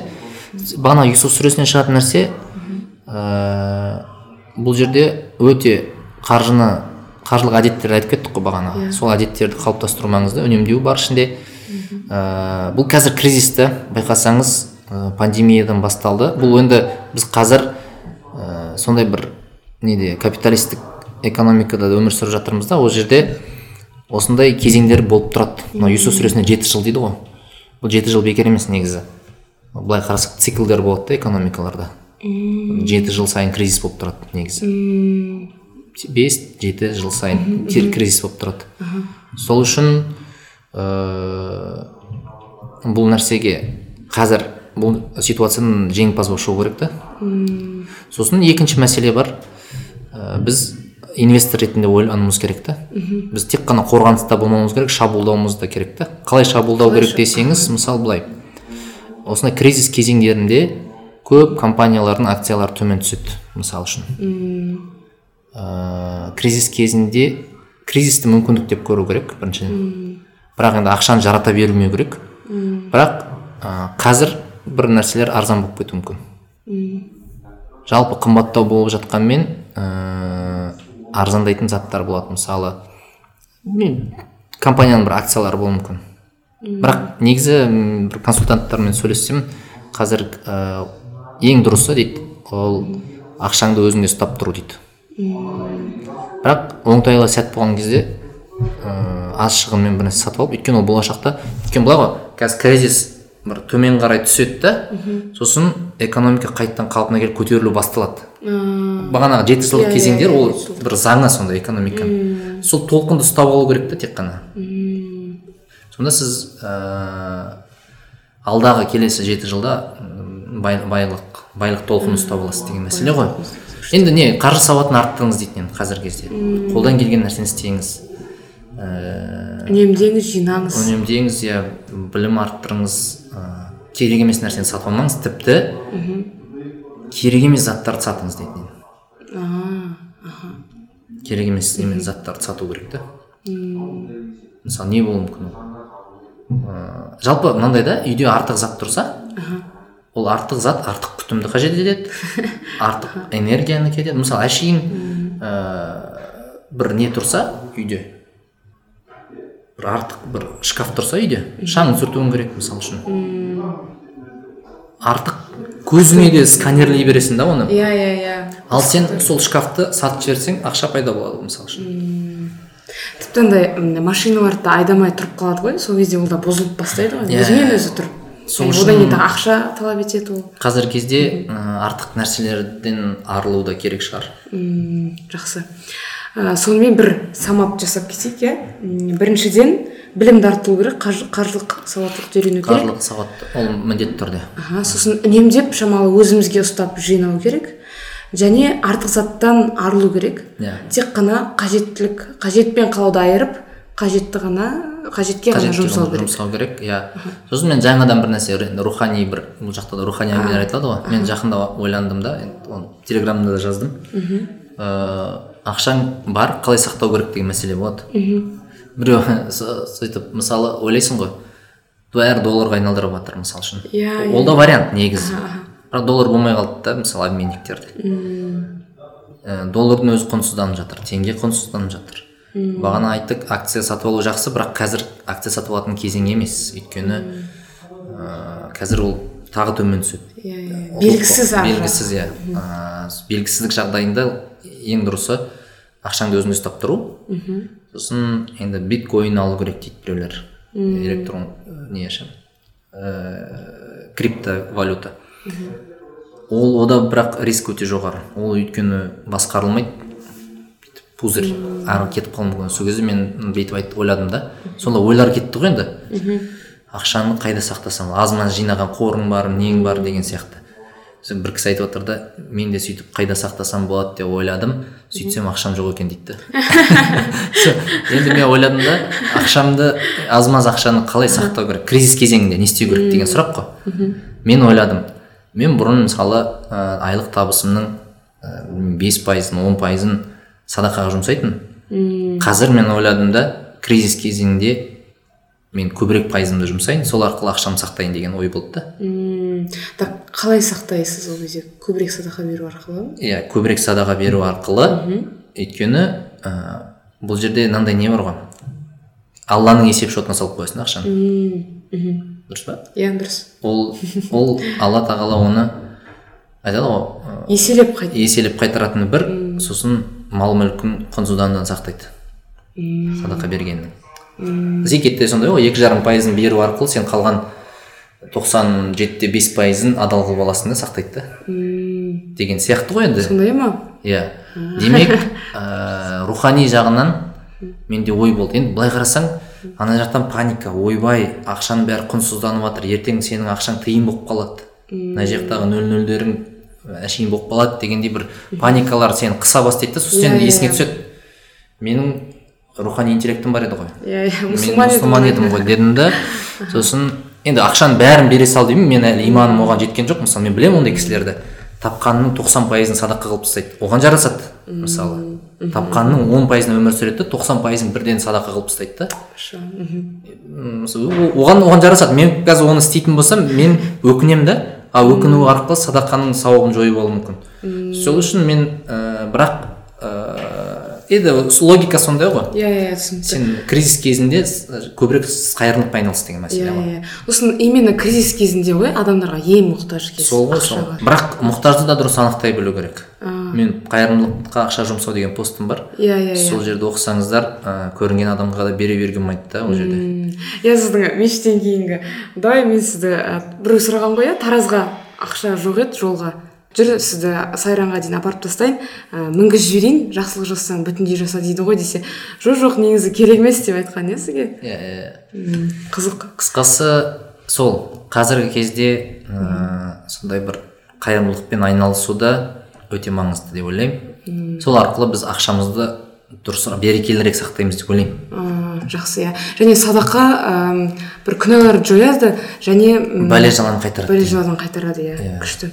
Ә, енді келесі мындай сұрақ бұл да маңызды сұрақ деп ойлаймын қаржылық сауаттылық балаға неше жастан бастап үйрену керек үйретілу керек және қалай үйретілу керек?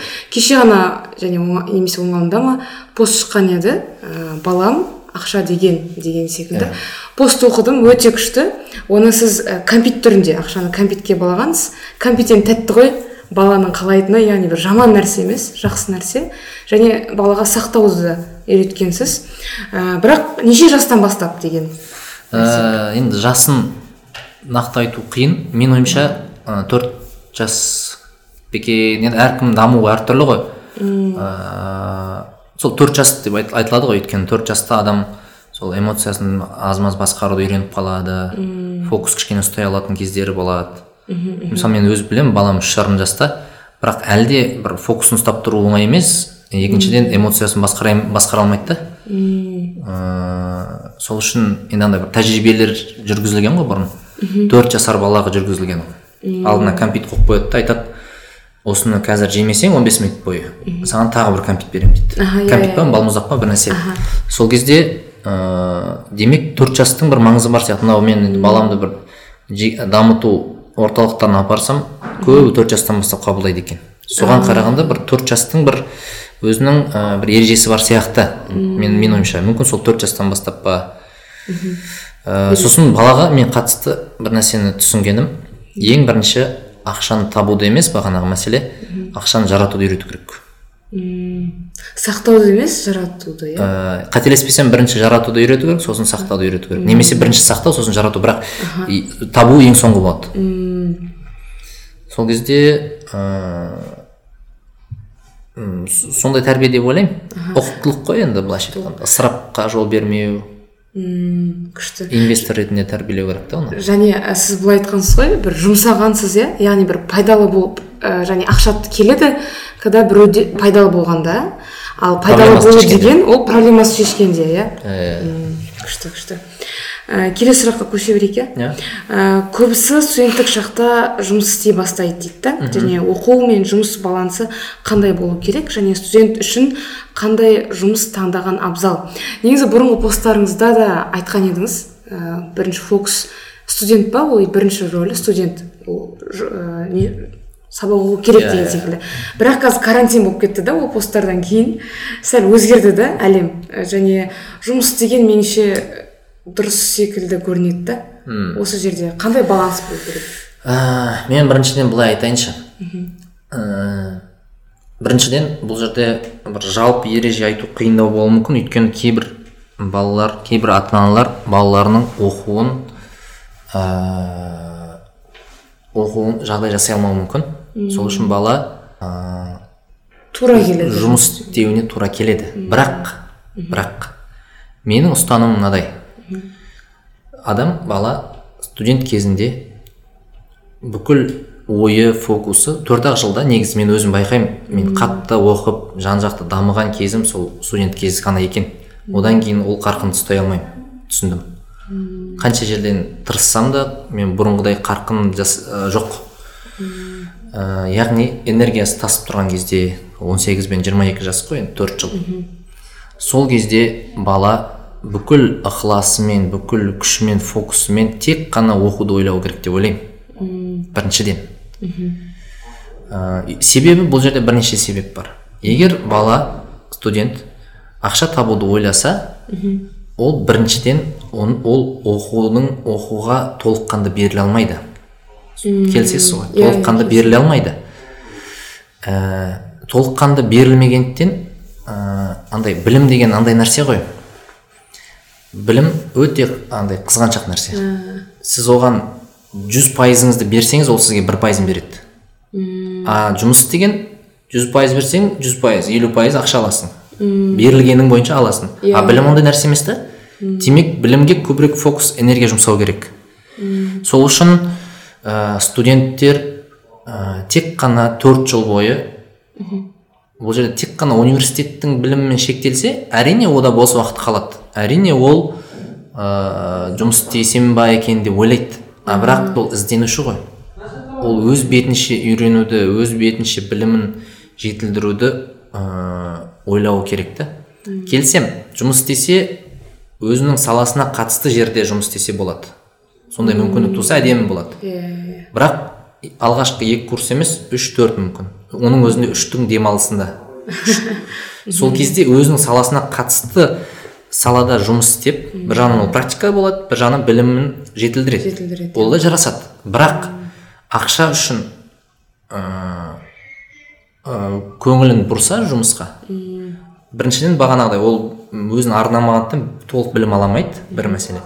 Екіншіден оның білімге деген көңілі суиды. Қалай десеңіз ол ақша тауып дәмін көреді ғой. Одан мынандай ойлар кетеді. Мен в принципе қатты оқымасам да ақша таба алады екенмін. Иә иә иә. Деген ой пайда болады. Да ақшаның дәмін татқаннан кейін. Ыыы ақшаның дәмін татқан. Сөйтіп ол білімге білім алуға немқұрайлы қарай бастайды. Өйткені ақшаның дәмін көріп алды да қыз уақытша неге алданып қалады да? Ләззатқа. ақшаның ләззатына. Е молодец. Мамасына телефон сатып береді сол ақшаға. Ііі, студент болып жүріп ойбай мамасына телефон алыпты. Одан сайын күшті сезінеді ғой өзін иә иә иә. Бірақ оқу оқуға деген көңілі суып қалған. Өзін күштеп оқу керек болып Иә, жатыр да. иә, иә. байқайсыз ғой? Байқаймын. Енді шешім қандай? Студент қалай күн көру керек деген мәселе. Бұл енді ә, бұл, бұл енді әлеуметтік ағалардың ағаларының біз сияқты мысалы мен қайырымдылыққа ақша жұмсау деген кезде мен осындай ынталы студенттерге квартирасына тамағына ақша беру керек деп ойлаймын. Мен мешіттің алдындағы адамға инстаграмда ақша жинап жатқан адамдарға кешіріңіздер мен сіздерге бере алмаймын. Менің өзімнің садақа беретін бағыттарым бар деп айтамын. Мен осы студенттерге ақша беремін. Неге? Себебі қазір окей сіз бір отбасыны бір айлық тамағын қамтамасыз етемін. Бір отбасыға бәріміз жабылып үй әпереміз. Ол бір ақ отбасы да бірақ. Иә. Ал мына студентке олар квартирада тұрса төрт бес студентке тамағын оқуын төрт бес жыл уайымдамайтындай жағдай жасасам мен бар басқа ә, қалталы азаматтар. Сол кезде ол студенттер жұмысты ойламайды ғой. Иә. Ол студент жұмысты ойламағаннан кейін ол оқуына беріліп оқиды. Беріліп оқығаннан кейін ол кейін Керемет сапалы маман болады да өзіне де пайдасын келтіреді. Ол миллиондаған адамға пайда келтіре алады. Миллиондаған ыыы қанша мыңдаған жүз мыңдаған отбасыларға пайдасын береді. Оны тура жолға сала алады басқаларды. Кішкене тереңірек қарау керек деп ойлаймын. Бұл жерде біз енді жарайды мемлекет жатақхана салып бермей, бермей жатыр. Хотя функциясы мысалы. Жарайды ана студенттердің емін еркін оқуына уайымсыз оқуына жұмысты ойламай оқуына мүмкіндік жасамай жатыр. Енді оны күтіп отырамыз ба?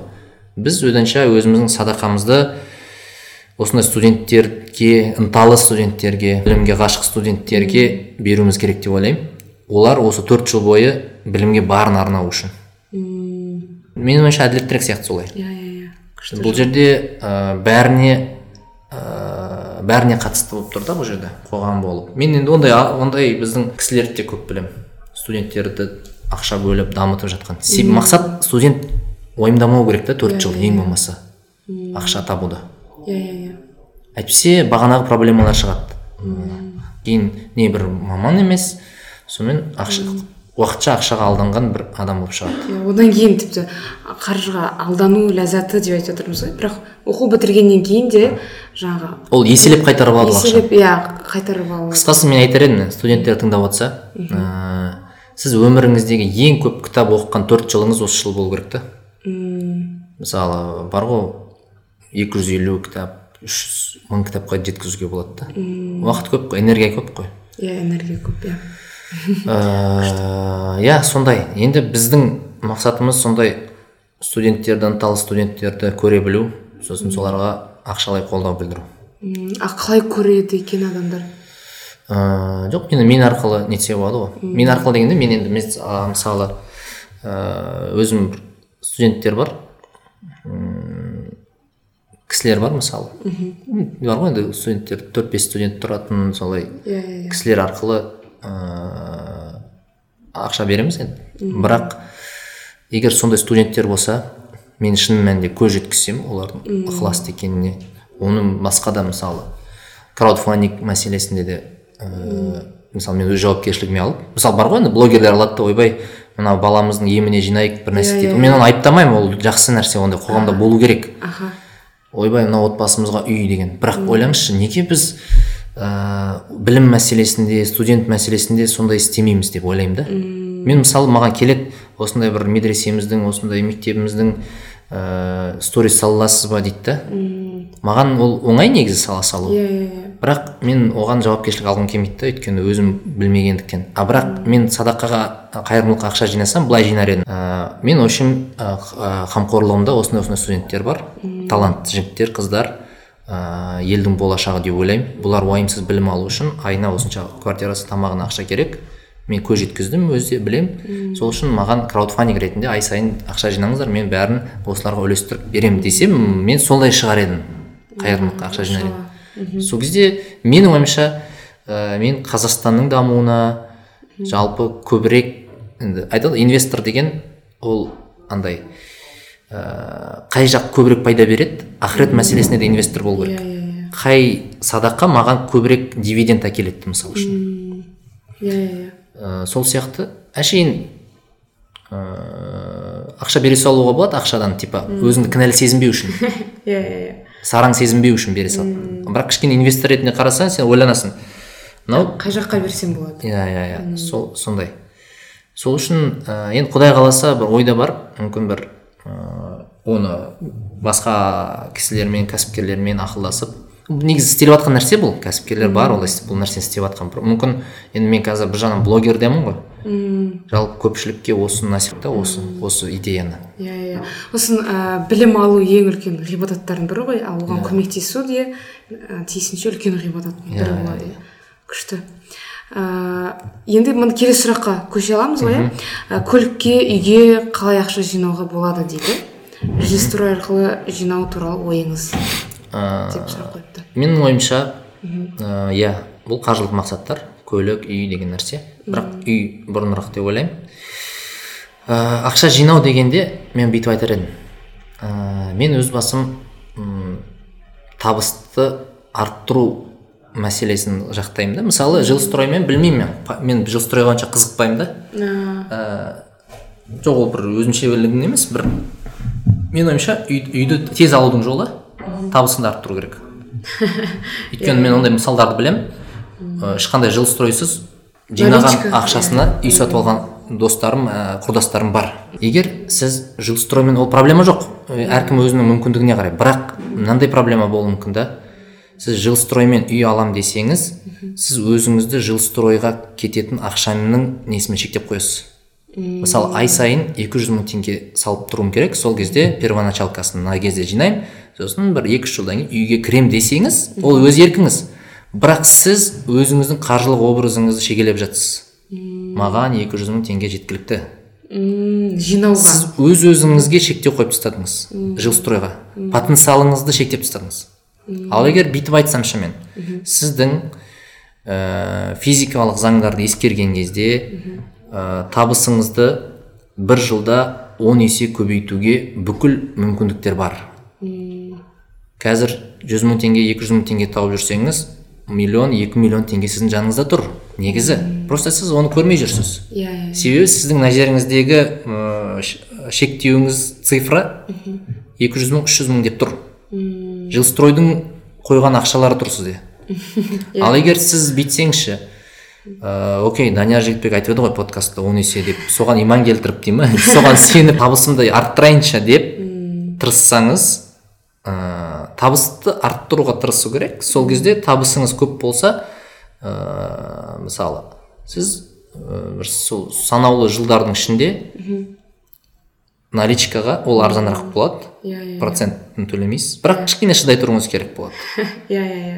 Өз үйіңізге қол жеткізесіз деген сияқты. Иншалла күшті. Сосын жилстройда мен түсінбейтінім. Мемлекет бір үй таңдап береді да соны соны аласың болды. Иә бұл жерде былай ғой. біртүрлі да? Қызық. Ә, біз енді алланың мейіріміне шексіздігіне сенетін адамдармыз ғой. Бізге ә, қандай өз өзімізге шектеу қоймасақ ешқандай шектеу жоқ. Сол кезде неге бізге сондай мақсат қоймасқа? Ойлайсыз ба? Мысалы неге? Ол ойынан таяқ жеу деп айтады ғой қуаныш шонбай. Ол болмай жатып ой мен көп таба алмаймын деп шектеу қойып тастайды да мен ойымша жилстройбанкқа жинаймын дейді да. Ойлаңызшы. А бірақ айтып отырмын сіз қандай болсаңыз да ең болмаса ана ойда шектемей ақ қойыңызшы өзіңізді. Мысалы өзіңізге рұқсат беріңізші сіз көп таба алатыныңызға деген сияқты. Тегін ғой. Сол кезде сіз әшейін математикасын қағаз жүзінде жазыңызшы. Мысалы 20 миллион тұратын мынау районда 20 миллион бір комната осынша тұрады мысалы үшін.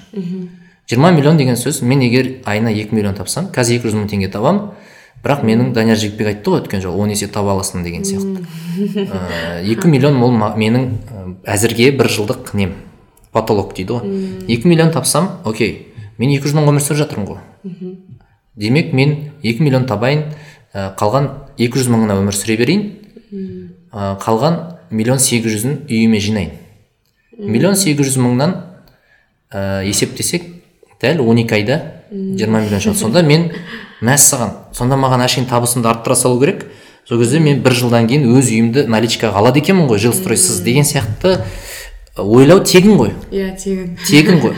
Қалай аламын деген нәрсені уайымдамай ақ қой деп айтамын да. Өйткені қаржылық образ деген айттық қой бірінші жаратуды үйрену керек. Екі миллион табыңыз ойша жаратыңыз. Сосын өз өзіңізге өз өзіңізге рұқсат беріңіз. Сонша сіз сонша лайық екеніңізге рұқсат берсеңіз вот осы кедергіден өте алсаңыз ойша. Сіз айналаңызда сонша екі миллион әкелетін мүмкіндіктерді варианттарды байқай бастайсыз. Сол байқаған кезде мүмкіндікті ұстайсыз ба ұстамайсыз ба ол екінші мәселе. ойлаңызшы бір жылда өзіне керек үйді алып алуға болады екен есептеп қазір есептеп тастадық иә. сол үшін ыыы жилстройбанкпен десеңіз де көріңіз қаншалықты өзіңізді шектеп жатсыз жоқ мүмкін сізге ұнайтын шығар ол. Бірақ қазірден кейін ұнамай қалған иә шығар. ұнамай қалды. Күшті маған бұрыннан ұнамайтын потому что сол ел мемлекет қадап берген үйді ғана аласың да. Сол нәрсесі ұнамайтын да мен өзім іздеп өзім таңдап деген сияқты. Бізге сондай бір еркін ойы еркін адамдарды тәрбиелеу керек. Байқасаңыз адамдармен тыңдап отырып сөйлессең анау өз өзіне кедергі кедергі жасап алады екен адамдар қызық. Иә иә иә. Мысалға мен мамам қоймайды да. Ә, нұрлан жаннұр сен өздері ашып қойған енді салып тұр саған бәрі жаңағы маған қиын болмасын деп өздері ашып қойған едім салмаймын рахмет. Мен онша тез табамын да бір жылда жинай саламын да таба саламын иә иә иә. күшті. Ә, келесі сұрақ как көшірмесек болады ғой иә? Ә, ақшаны қалай дұрыс жинау керек дейді? Инфляциядан ұтылмас үшін акциямен жұмыс істеу үшін нені білу керек? Ә, бұл бәріне қолжетімді ыңғайлы құрал ма? Ә, былай қарау керек. Акция акция деген сатып алған кезде акция сатып алған кезде акцияны көбі бүйтіп көреді да. Ойбай ана приложениеда бүйтіп графиктер өсіп тұрады көтеріліп тұрады. Түскен кезде са- сатып аламын. Сол кезде қымбат апта сайын көре береді тексере береді да акцияны сөйтіп көреді да сондай бір андай бір қиын көреді. Иә қиын. Мен айтар едім қараңыз. Қиын ештеңесі жоқ. Бұл жерде оп оңай ереже бар. Сізде бағана айттық қой ақшаны өзіңнен әрірек қойып қою. Әрірек қойып қоюдың жолы сіз бір үлкен компанияны аласыз. Өндірістік болсын осы нарықта бар компания қанша жылдан бері жұмыс істеп келе жатқан өндіріп жатқан ол қазақстандағы болсын ақш тағы болсын бір компаниялар болады да. Сенімді мысалы. Ә, біз мысалы бізде не бар? Бізде казатомпром бар мысалы үшін. Ә, сол кезде сіздің акция сатып алудағы мақсатыңыз ақшаны көбейтіп алу емес ақшаны сақтау болу керек. Мысалы мен бүйтемін сейф сияқты. Сейф сияқты. Бір жағынан акция сатып аласыз оны бір үш жылға ұмытасыз. Үш жылға ұмытасыз. Сол кезде мынандай нәрсе болады. Өйткені акцияны апта сайын көре берсеңіз сіздің ә, нерв жүйеңіз шыдамайды. Мысалы сіз иә. ыыы тоғыз мың жеті жүз теңге тұрады екен былтыр. Ә, кімнің казатомпромның ак- бір акциясы. Тоғыз мың жеті жүз теңге. Былтыр осындай уақытта. Енді ойлаңыз сіз сатып алдыңыз дейік та казатомпромды апта сайын қарайсыз. Ол ол жерде не ғой? Сауда жүреді ғой. Иә бір апта тоғыз мың болып кетеді ойбай бекер алыппын ғой дейсіз да шашыңыз ағарады. Сосын қайтадан өседі ол он мың болады. Қысқасы қысқа мерзімде акция тиімсіз. Депозит тиімді дейді. Депозиттің енді харам несін деп ойласаңыз онда басқа мәселе. Бірақ ә, ұзақ мерзімде акциялар міндетті түрде өседі. Яғни мысалы мен ойлаңыз қазір тоғыз мың жеті жүз теңгеге сатып алдым былтыр казатомпром бір жыл өтті қазір он алты мың бір нәрсе тоғыз жүз бір нәрсе теңге акция несі. То есть былтыр жүз мың теңгеге сатып алған нәрсем қазір жүз алпыс тоғыз мың болып кетті. Классно. Ақшам сондай болып кетті. Бірақ казатомпром өспей түсуі де мүмкін. Иә. қазір қайтадан түсіп кетуі мүмкін. Түсіндіре алдым ба? Иә түсіндім ә, бірақ егер үш жылдық ә, кестені қарасам ол акциялар міндетті түрде өсе береді. Өйткені ақша көп өнім аз. Сол үшін өнім қымбат бола береді. Акция ол да бір өнім ғой. Ә, уран деген өндіретін уран деген өнімді өндіретін компанияның акциясы. Демек сіз акция сатып алған кездегі ойыңыз бірінші ақшаны өзімен арырақ қойып қою. Екіншісі инфляциядан сақтау. Өйткені жай сейфке қойып қойсаңыз ол инфляция анау жүз мың теңгеңіз құнсыз бола береді. Иә иә иә. Ал енді ә, мына жағдайда жүз мың теңгеңіз жүз алпыс тоғыз мың теңгеге болып кетті ғой. Иә иә инфляциядан қорғады плюс кішкене табыс пайда болды. Мхм. бұл жерде біз ә, не үшін акция туралы сөйлесіп жатырмыз? Себебі акция ол халал себебі біз сатып алған кезде бізде риск болады түсу немесе көтерілу. Сол үшін бұл халал. Ал депозит не үшін ә, сөз қозғамадық? Себебі онда міндетті түрде өседі және пайыз иә негізі депозит туралы да сөйлесуге болатын еді. Ә, ол енді бір ұзақ әңгіме болып кетеді. То есть ә, харам деп айтады негізі оны бірақ та қазіргі ақшаның табиғатын түсінсек ол алтынға күміске байланбаған ғой қазіргі теңге мен доллар. Иә. Сол тұрғыдан алғанда депозит сіздің ақшаңызды қорғаудың жолы болып қалады да. Мысалы инфляция тоғыз пайыз депозит тоғыз пайыз болса мысалы үшін ғой енді. Сонда деп ана тоғыз пайызға өскені әшейін сіздің ақшаңызды сақтау үшін ғана болды да. Бұл жерде өсім деген жоқ та әңгіме көрдіңіз ба точно точно. Яғни депозиттің қызметі өсіру емес сақтау болып тұр да. Ендеше ниет уже өсіру емес қой. Сақтау сол үшін кішкене бұны мүмкін ә, имамдар дін ғалымдар кішкене басқаша қарайтын шығар деп ойлаймын. Өйткені бұл жерде өсім ниетімен сақтап жатқан жоқпын да депозитте. Мен бар ақшамды сақтап қалғым келіп тұр. Бар байлығымды. Өйткені ол алтынға күміске ә, сол кезде депозитті солай түсінсеңіз сіз онда депозитті ә, онша харам емес екен ау деп ойлап қалуыңыз мүмкін. Өйткені ол әшейін менің байлығымды сақтап тұр. М, инфляция Иә, тоғыз иә. деп- депозит тоғыз болса ол мені инфляциямен сақтап тұр да былайша айтқанда деңгейінде. Иә иә иә бір бірін жауып тұр ғой сонда инфляция мен иә, иә, депозиттің проценті. Күшті күшті. Сонда депозитке де сақтауға болады егер ниет дұрыс болса. Ә, енді мен пәтуа бермей ақ қояйын Жақсы. алмай ақ қояйын. Әркім өзі шешеді да бірақ ә, бұл жерде ескеру керек. Қазіргі валюталар алтын мен күміске байланбаған кезіндегідей. Алтын мен күміске байланған валюталар болса мысалы қанша алтын сонша ақша шығарылатын болса алтынға сай. Онда бұл иә өсім болатын еді қазір ақшаны принтерден шығарған сияқты шығара беру оп оңай да сондай мәселе бар. иә иә. Енді ә, криптовалюта туралы сөйлессек оны сатып алу. Енді білмеймін біздің муфтият оны ә, харам деп пәтуа шығарыпты ғой. Мен енді біздің муфтият айтып тұрғандай ештеңе деп айта алмаймын бірақ ә, бұл харам деген себебін де білмеймін ки неге харам деген бірақ бұл жерде бұл қазір ә, Бұл да- бұның, бұның долларда айырмашылығы жоқ негізі. Бірақ электронды болып тұр да. Бұл бірақ криптовалютаның бір жақсы жері ол санаулы да. Оны доллар сияқты көп баса бере алмайсыз бір лимитке жетеді криптовалюта. Болды. Бұл жердегі мәселе оның басқарылмайтындығында болып тұр да. Ойын ережесі түсініксіз болып тұр да. Сол үшін шығар. Бірақ та бұл кәдімгі айырбас құралы сосын бұл жақта центробанк деген жоқ. Қысқаша айтсам бұл кәдімгі ә, айырбас құралы. Доллардан тіпті долларға қарағанда жақсырақ бұл өйткені долларды мысалы қанша деді? Америка құрама штаттары 10 триллион доллар басып тастаған ба сондай пандемиядан бері ойлаңызшы. Әшейін қағаз баса береді. 10 триллион долларды баса салған ә, тура ал криптовалютада өйтіп баса бере алмайсың ол оны қазір майнить етіп шығарады да бір валютаны. Белгілі бір қанша екі миллион ба сондайға дейін жетеді болды. Ә, сосын біз, біздегі қазір ақша былай ғой. Мен мысалы сізге ақша аударатын болсам ол банкке барады сосын банк сізге жібереді. Ә, иә иә иә солай. Ал криптовалютада жақсы жері. Мен банксіз тікелей екеуміз бір бірімізге жібере береміз. компаниямен ешкім менің ақшамды ұстап қала алмайды басқара алмайды да. Механизм жоқ та. Ол бір жағынан әділеттірек.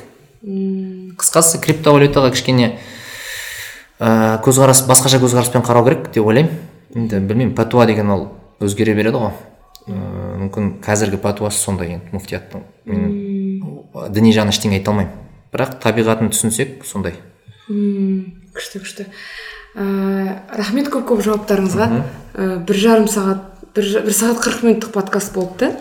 Ә, енді м, біліміңізге көп көп рахмет айтпақшы. Инстаграмдағы тегін посттарыңызға. Ә, бұл курсты оқуыңыз ә, бізге тегін садақа ә, ретінде беріп жатқаныңыз. Алладан қайтсын екі дүниеде де. Иншалла сізден осы қаржылық сауаттылық туралы ә, кітап күтеміз. Кіріспе. Иә.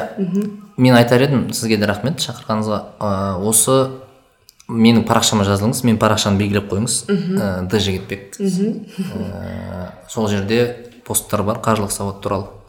Сол посттарды оқыңыздар пайдасын алыңыздар тегін. Ә, тегін сосын бір қызық нәрсе бар. Ол посттарды бірнеше рет оқысаңыздар екен деймін да. Иә. Өйткені мен оны қалай жазғанымды қалай ізденгенімді білемін да. Әр артық сөйлем жоқ деп ойлаймын. Әр артық сөйлем бәрін алып тастадым. Әр сөйлем маңызды деп ойлаймын. Сол үшін ә, соны оқып ә, бір сосын тағы да өздеріңіз үшін бұл маған керек жоқ. Маған керек жоқ. Иә. өздеріңіз үшін астында не түсінгендеріңізді не алғандарыңызды жазып отырсаңыздар ә, бір басқаша сезім пайда болады. Бұл сіздің өміріңізге ене бастайды. Яғни жай қатысып отырғаныңыз комментарий түрінде. Сізге ол былайша айтқанда сізге пайдалы болады. Иә иә иә. Иә, жазайын жатқан кезде ойланамыз ғой так мен не түсіндім өзі деген секілді иә сол кезде сіз жазу арқылы басқа адамдар да сіздің комментарийіңізді оқиды басқаларға ой саласыз және осы ә, былайша айтқанда осы су- неге бір құрамдас бөлшегі болып қаласыз? Күшті күшті. Осы білімдердің. Осы айналымға айналымға кіріп қаласыз. А былай сіз сырттай бір бақылаушы болып тұрсыз да? Иә иә иә иә күшті. Аллах разы болсын. А, подкастты қолдағыңыз келсе төменде реквизит көрсетемін. Сол жақта қолдай аласыздар. Ендеше сау саламатта болыңыздар.